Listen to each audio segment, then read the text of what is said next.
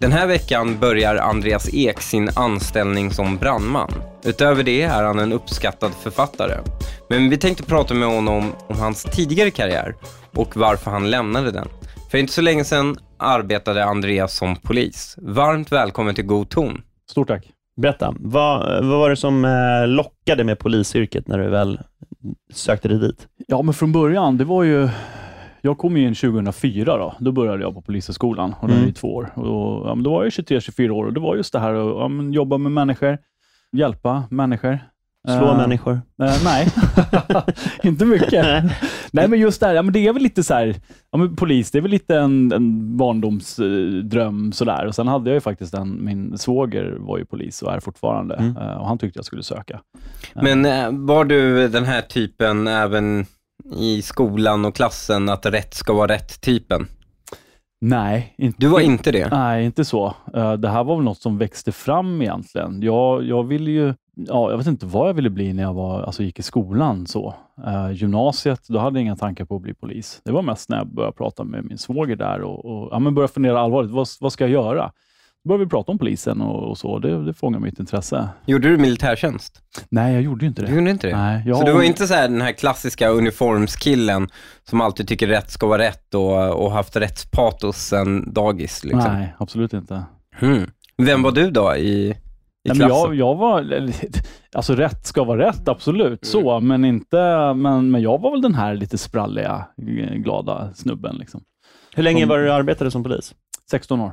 Mm. Mm. Och, och, vilka roller hade du då? Eh, inom... Då var jag de första, första, vad blir det, sex åren måste det väl bli. Då var jag ingripande polis och åkte runt i patrullbil. Uh, sen var jag instruktör. Uh, vi började med det här pågående dödligt våld, om ni känner till det. Det var en utbildningsinsats. Nej, uh, visst, jag, vet inte vad det är för någonting. Ja, men det, det, det, gick vidare till att bli terror och sådär. Ja, men tänk, tänk något så hemskt som skolskjutningar. Mm. Hur agerar vi? Jag säger fortfarande vi, fast jag är inte mm, polis mm. längre. Men hur agerar polisen när man kommer först till plats och det kanske skjuts i en skola? Mm. Vad, vad gör vi rent taktiskt och, och sådär? Mm. Ja, alltså jag blev så imponerad av polisen när under eh, Trollhättan, alltså eh, i det terrordådet i skolan där, där eh, de var så jävla snabba på plats mm. och hade också tränat och hade en, bara en taktik alltså en, en väl utarbetad taktik som också var beprövad på andra, i andra länder som också, Sverige också hade liksom utvecklat.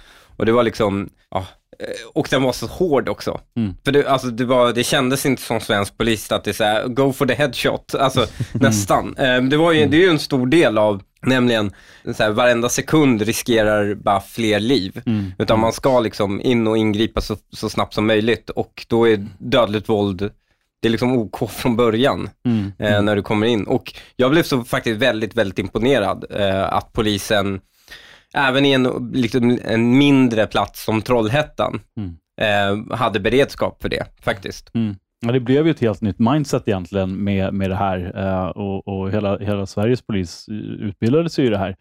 Och det var mycket mental förberedelse. Ja, men hur gör vi när, när vi kliver in helt mm. enkelt? Uh, vad är det vi ska göra? Avvakta? Ja, men då kanske jättemånga andra dör medans. Uh, men du var instruktör inom den, ja, det men precis. Liksom. Ja, det var när det var helt nytt. Ja. Så, så började vi. Vi var en grupp på fem stycken då, som, som körde det här i hur, två års tid. Hur, hur funkar det? Utvecklar ni det själva eller liksom hämtar ni in? Var Nej, ni på det fanns, det fanns en ett, resa någonstans och kollade hur de gjorde? Liksom? Ja, men precis. Inte, inte vi, utan det fanns några andra huvudinstruktörer, om man säger mm. så, då, som, som satte vad ska man säga, ramarna för hur utbildningen skulle se ut.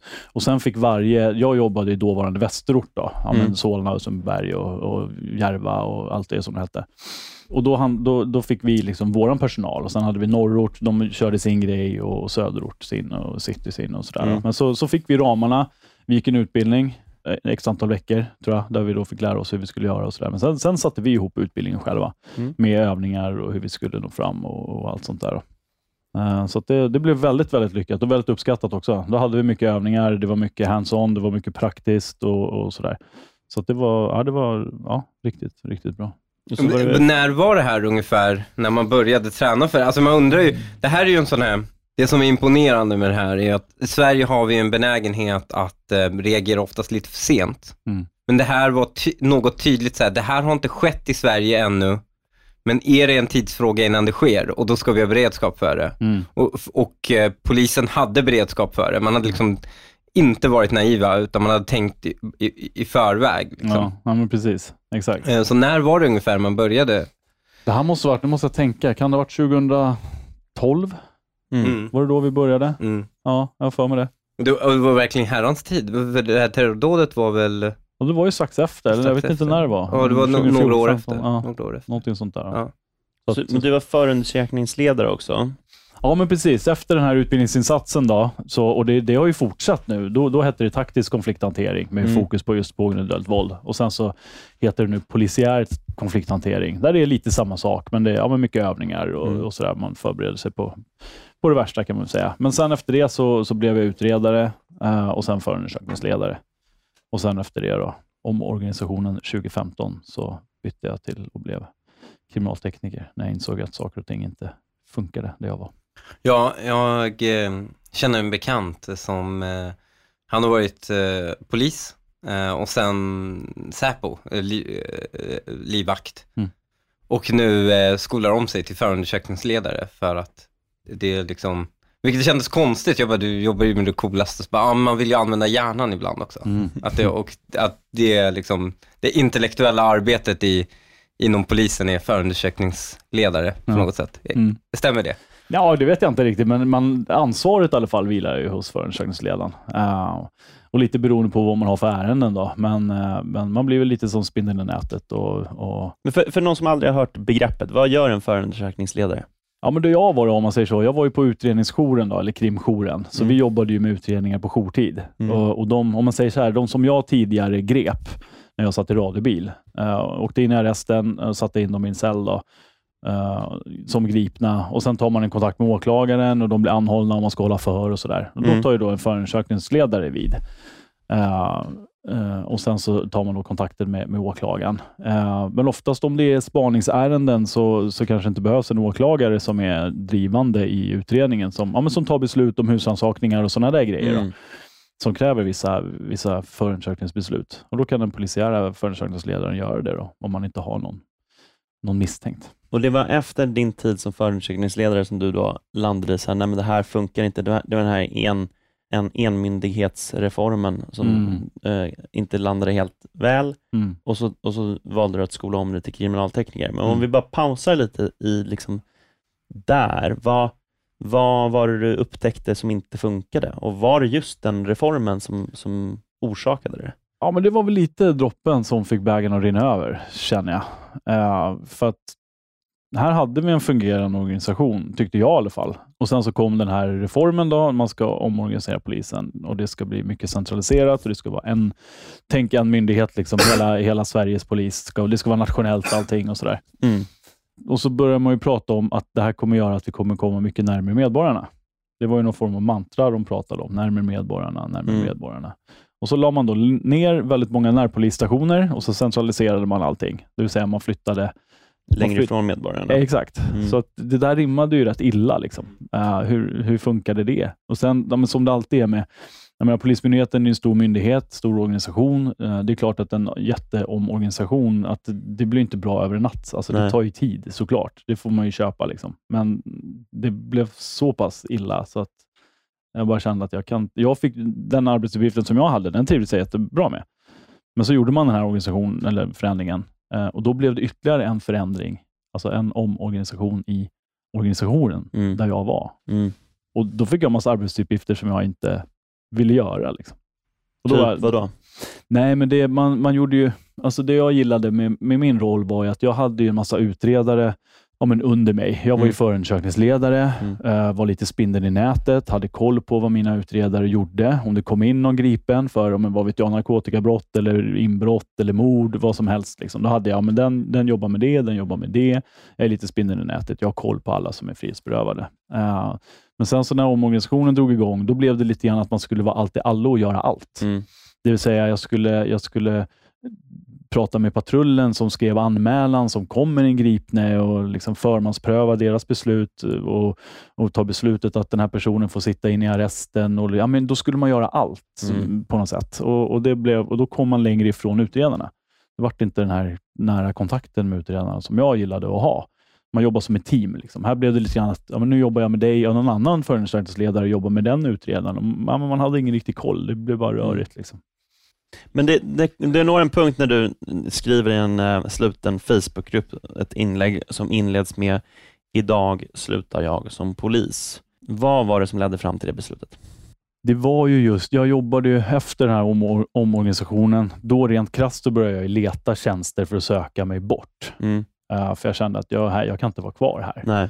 Det började bli så pass dåligt. Men så hittade jag det här med kriminaltekniker och kände att det här verkar kul. Mm. Grymt. Varför har jag inte tänkt på det? Så här, och så började jag ja, kolla lite mer och ja, men, vart verkligen intresserad och, och sökte och fick tjänsten. Så det var ju jättekul och det, det behövde jag ju verkligen få flytta på mig. Så, där. så det blev ju att jag sökte till någonting samtidigt som jag sökte mig bort. Men då jobbade jag i tre år och jag började ju märka där att jätteroligt jobb, men eh, det är ju så mycket. Folk, alltså, trycket är ju enormt när det gäller grova brott. Eh, och inte bara alla skjutningar. Det är fruktansvärt mycket skjutningar som vi alla vet, men mm. det är också fruktansvärt mycket andra grova brott som nästan hamnar i skymundan. Typ vad då? Våldtäkter. Mm. Det, man pratar ju om att oh, det ska prioriteras med våldtäkterna och sexualbrotten och sådär, men menar, det är ju ett av de värsta brotten som, som finns i brottsbalken, mm. uh, tycker jag. Och, och, och, de läggs på hög. Liksom. Det, det är någon form av mängdbrott. Det är ju fruktansvärt, så kan det inte vara. Hur förhåller man sig som polis till de här brotten? Då, ja, men då blir man lite så här, eller hur man... Alltså, Utreder man dem?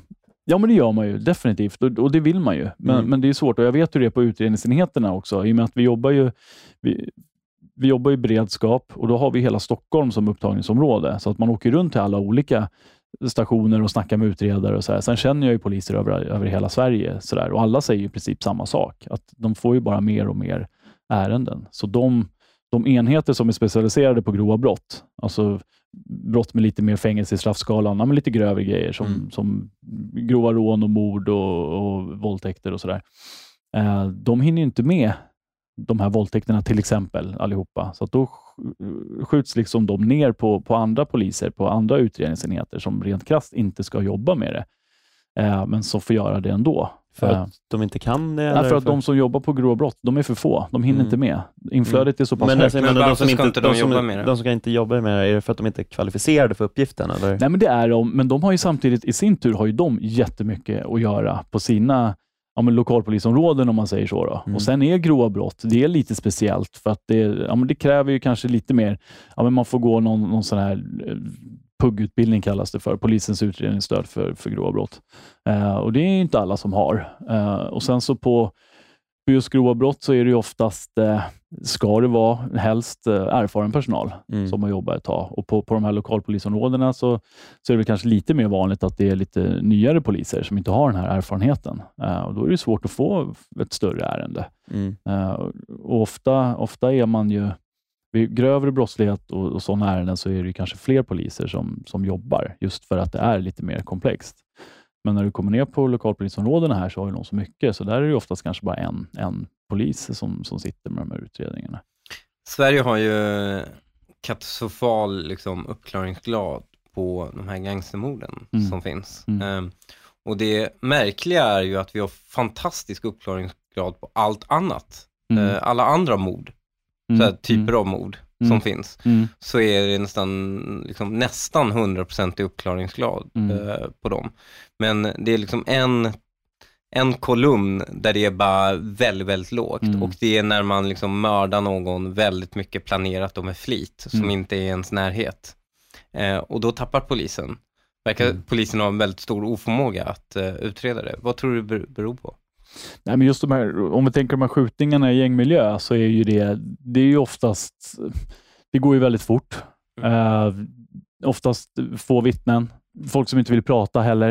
Uh, det är en helt, annan, en, en, helt annan miljö att jobba i faktiskt. Uh, och, och, det, är så, det spretar åt så många olika håll, så det, det är svårt att hålla en sån utredning. Så det, och jag menar, de, de, som jobbar med det, man går in i en ganska stor organisation och jobbar väldigt många och jobbar brett i början och sen så kanske man tappar med tid. Då. Men, men det, är, det är svårt, för ofta så blir det inte heller så mycket. Om man, ur ett kriminaltekniskt perspektiv, då, jag som Mm. var kriminaltekniker, det är ju inte ofta det, det finns jättemycket spår.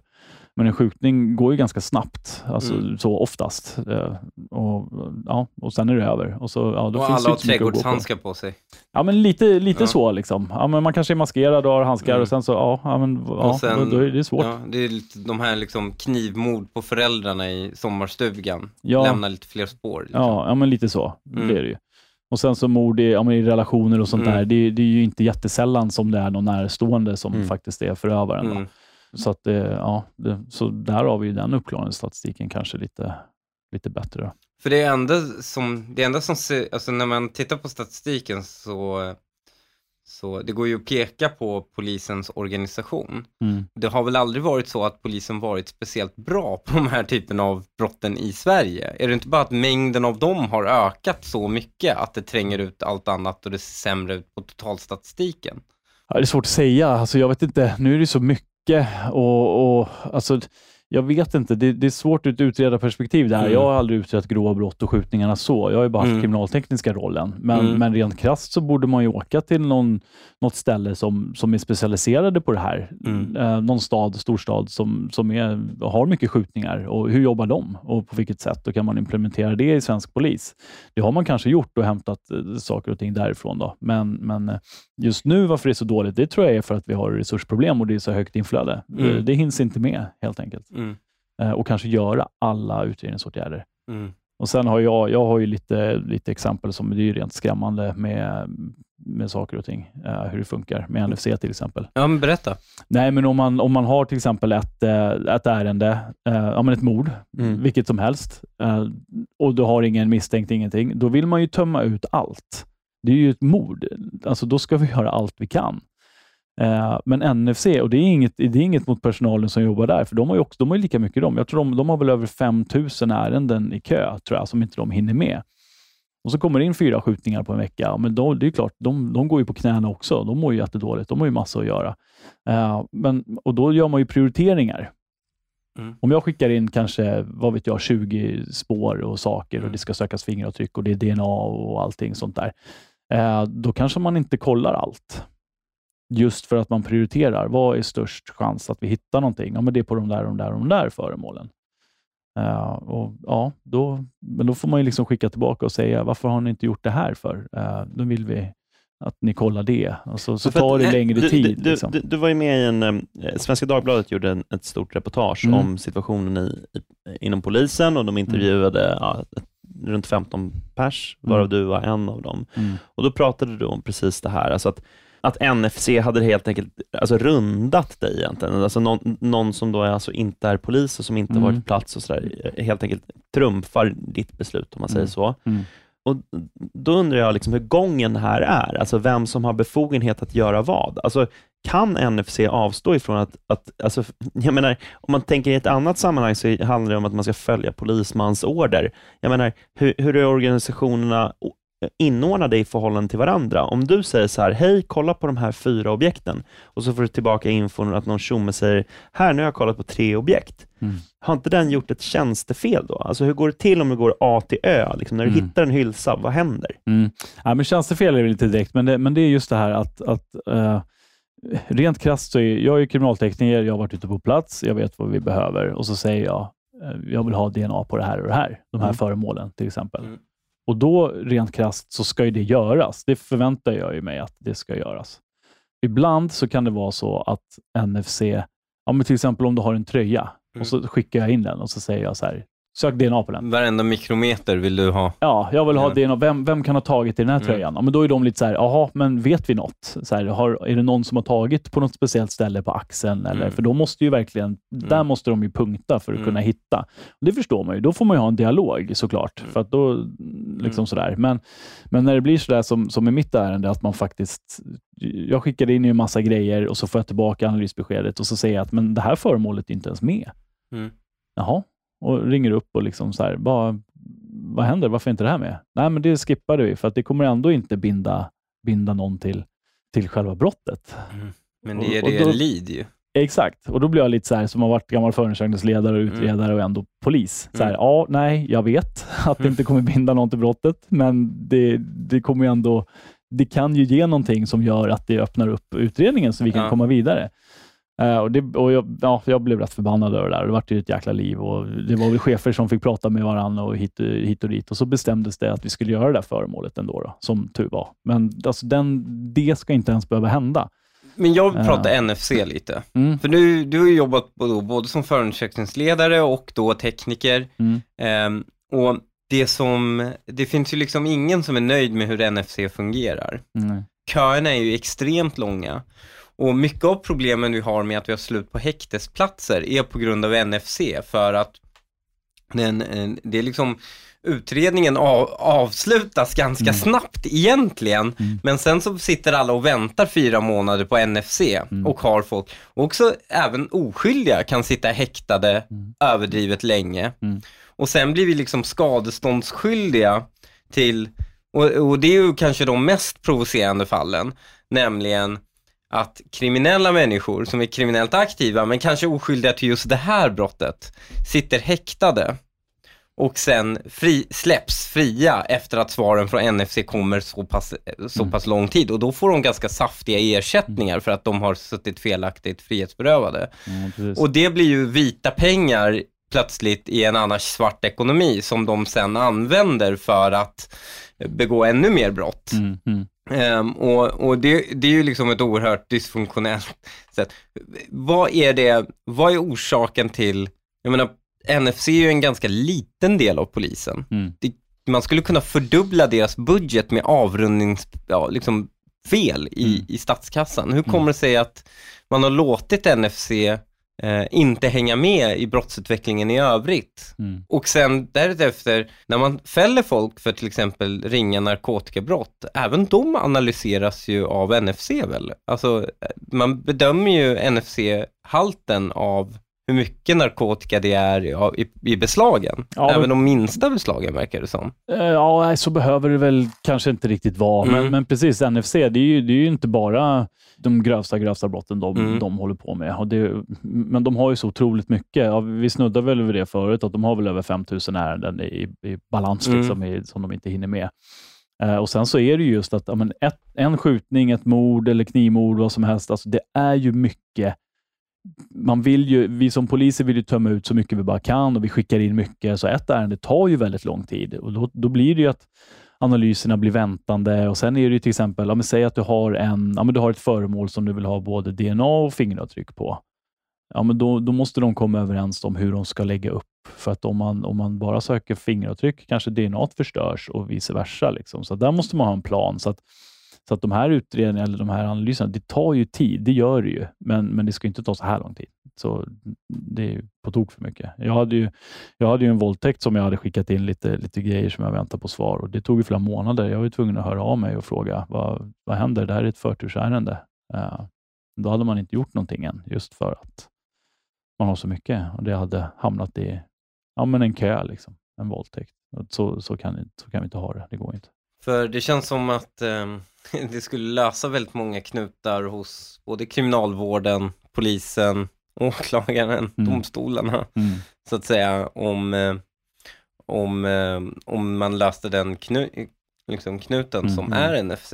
Mm. Och sen så är det ju inte, sen finns det ju också på, så att säga, saker som inte görs för att egentligen skulle man ju by- bygga ut NFC, ja, för de som inte vet vad det är, Nationellt forensiskt centrum, det är Mm. de som, de går igenom mycket teknisk bevisning, antar jag, eh, och liksom analyser av olika preparat, DNA, vapen också va? Ja, men de går igenom allting. De söker Allting. liksom, det är fingeravtryck och DNA och det och Nej, de gör ljudanalyser och Ja. sådana här saker. Och där är, här är ett intressant exempel.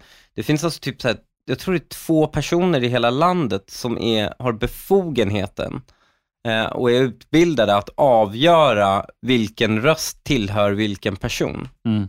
Så när du gör avlyssningar och det är på en delad telefon och man tror att, ja men det här är, så säger man, ja men det, det här, och så sitter polisen, men jag hör att det här är den personen. Liksom. Mm. Mm. Då köper inte domstolen det, utan det måste vara en utbildad person. Och det finns bara två sådana i Sverige. Och medan i ett vanligt, ett gängkriminalitetsfall där man liksom har avlyssnat, kan man liksom tusentals timmar med material. Mm. Och då finns det två personer i Sverige som har befogenhet att avgöra vilken röst är vilken. Och här var det ju, här var det ju uppmärksammad eh, då det var en knarktelefon då de, ett gäng använde för att sälja narkotika. Och den här avlyssnar polisen och den här telefonen gick runt och folk jobbade i skift liksom. Och man lyckas ju identifiera så att säga inkommande samtal, nämligen de som köpte drogerna. Så de åkte dit på narkotikabrott. Mm. Medan de tilltalade inte sa ett ord under hela rättegången, så deras röster inte hördes. Ja, herregud. Och sen gick, eh, och sen var det ju två poliser som hade fått i uppdrag att, två ganska rookie-poliser, som hade fått i uppdrag att säga så här, vem är det som pratar nu liksom? Och de här av vana och liksom, eh, liksom, de har ju hängt med de här och avlyssnat ganska länge, till slut lär de ju sig ve- vem som är vilka. Men just för att de inte har, NFC inte har kapaciteten att gå igenom allt det här, Mm. så, så, eh, så fick de här poliserna sitta och avgöra och domstolen ogillade ju Mm. hela den bevisningen. Ja, okej. Så de gick fria. Mm. Ehm, och de var, satt helt tysta, hela domstolen. Mm. Då, och, och, här, här, och då blev jag ju så här, när det här kom fram, bara, varför har vi bara två personer? Mm. Alltså det, det här är ju så här, nu, alla, alla sitter och pekar på att nej men de blir mer digitala, det är, mer, kom- det är därför kriminaliteten är mer organise, eh, organiserad också, för att man har kommunikationsmedel och det är liksom ett snabbare tempo. Och då borde ju polisen anpassa sin verksamhet efter det, och Mm. också sin förmåga att samla in bevis och, och knyta folk till brott. Men så, så får man höra att det finns två personer i landet som kan Mm. göra det här. Ja. Man blir mörkrädd liksom. Mm. Ja, men det är, alltså det, är, det är svårt och NSC, det måste ju faktiskt tilläggas att de, de gör ju ändå ett, ett fantastiskt jobb, men de är ju för få och Mm. det är organisatoriskt, så det funkar ju inte. Det, man måste ju, det är väl lite som jag har sagt tidigare, man, man får ju ta ett kliv tillbaka och så får man ju bara får man ju faktiskt erkänna att nej, det här funkar inte. Vi måste hitta på något. Vi måste göra någonting åt det här. Eh, och om det då är mer anslag, mer pengar, mer anställda, vad vet jag, men, men någonting måste man ju faktiskt göra. Men hur Eh, bra är polisen på, alltså, det, det finns liksom så återkommande berättelser som, som jag tycker pekar mot att det finns, alltså att vad som är problemet med polisen är liksom en, en, en, ett kluster av olika förklaringar. Mm. Och En sån där grej som jag tänker på är det här med att lära av sina erfarenheter. Alltså att se så här, någonting som funkar eller någonting som funkar sämre. Mm. Hur bra är polisen på att dra relevanta slutsatser och agera därefter? Typ i mordutredningar och sådär. Är det, är det best practice? Eller liksom, är det rätt, rätt, rätt person, kanske ledande fråga, men gör rätt personer rätt saker? Liksom? Ja, men det, det det ska ju vara så. Men, men idag kanske det inte riktigt är det. För att det är mm, rutinerad personal kanske inte stannar kvar på sin enhet så pass länge som, som man hoppas. Och, och alltså, En mordutredning, det är svårt när, när du är relativt ny. Mm. Det är det, för det är så pass mycket som man inte känner till och vet och man kan inte se, ja, men där andra ser hinder kanske en rutinerad ser möjligheter. Liksom, att men vi gör så här och så här och man har ett annat mindset. Liksom, så.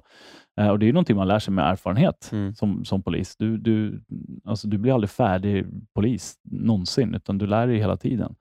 Eh, och ju mer erfarenhet du har, desto, desto bättre blir det ju. Så att där tror jag är en, ett hinder att, att eh, många rutinerade byter tjänster och slutar. Mm. Eh, och Då gör man ju det för att man inte trivs, Mm. helt enkelt. Ja, men som jag, som kände, jag bytte till och med jobb helt och hållet just Mm. för att jag kände att det här funkar inte. Eh, och det är inte bra, så kan vi inte ha det.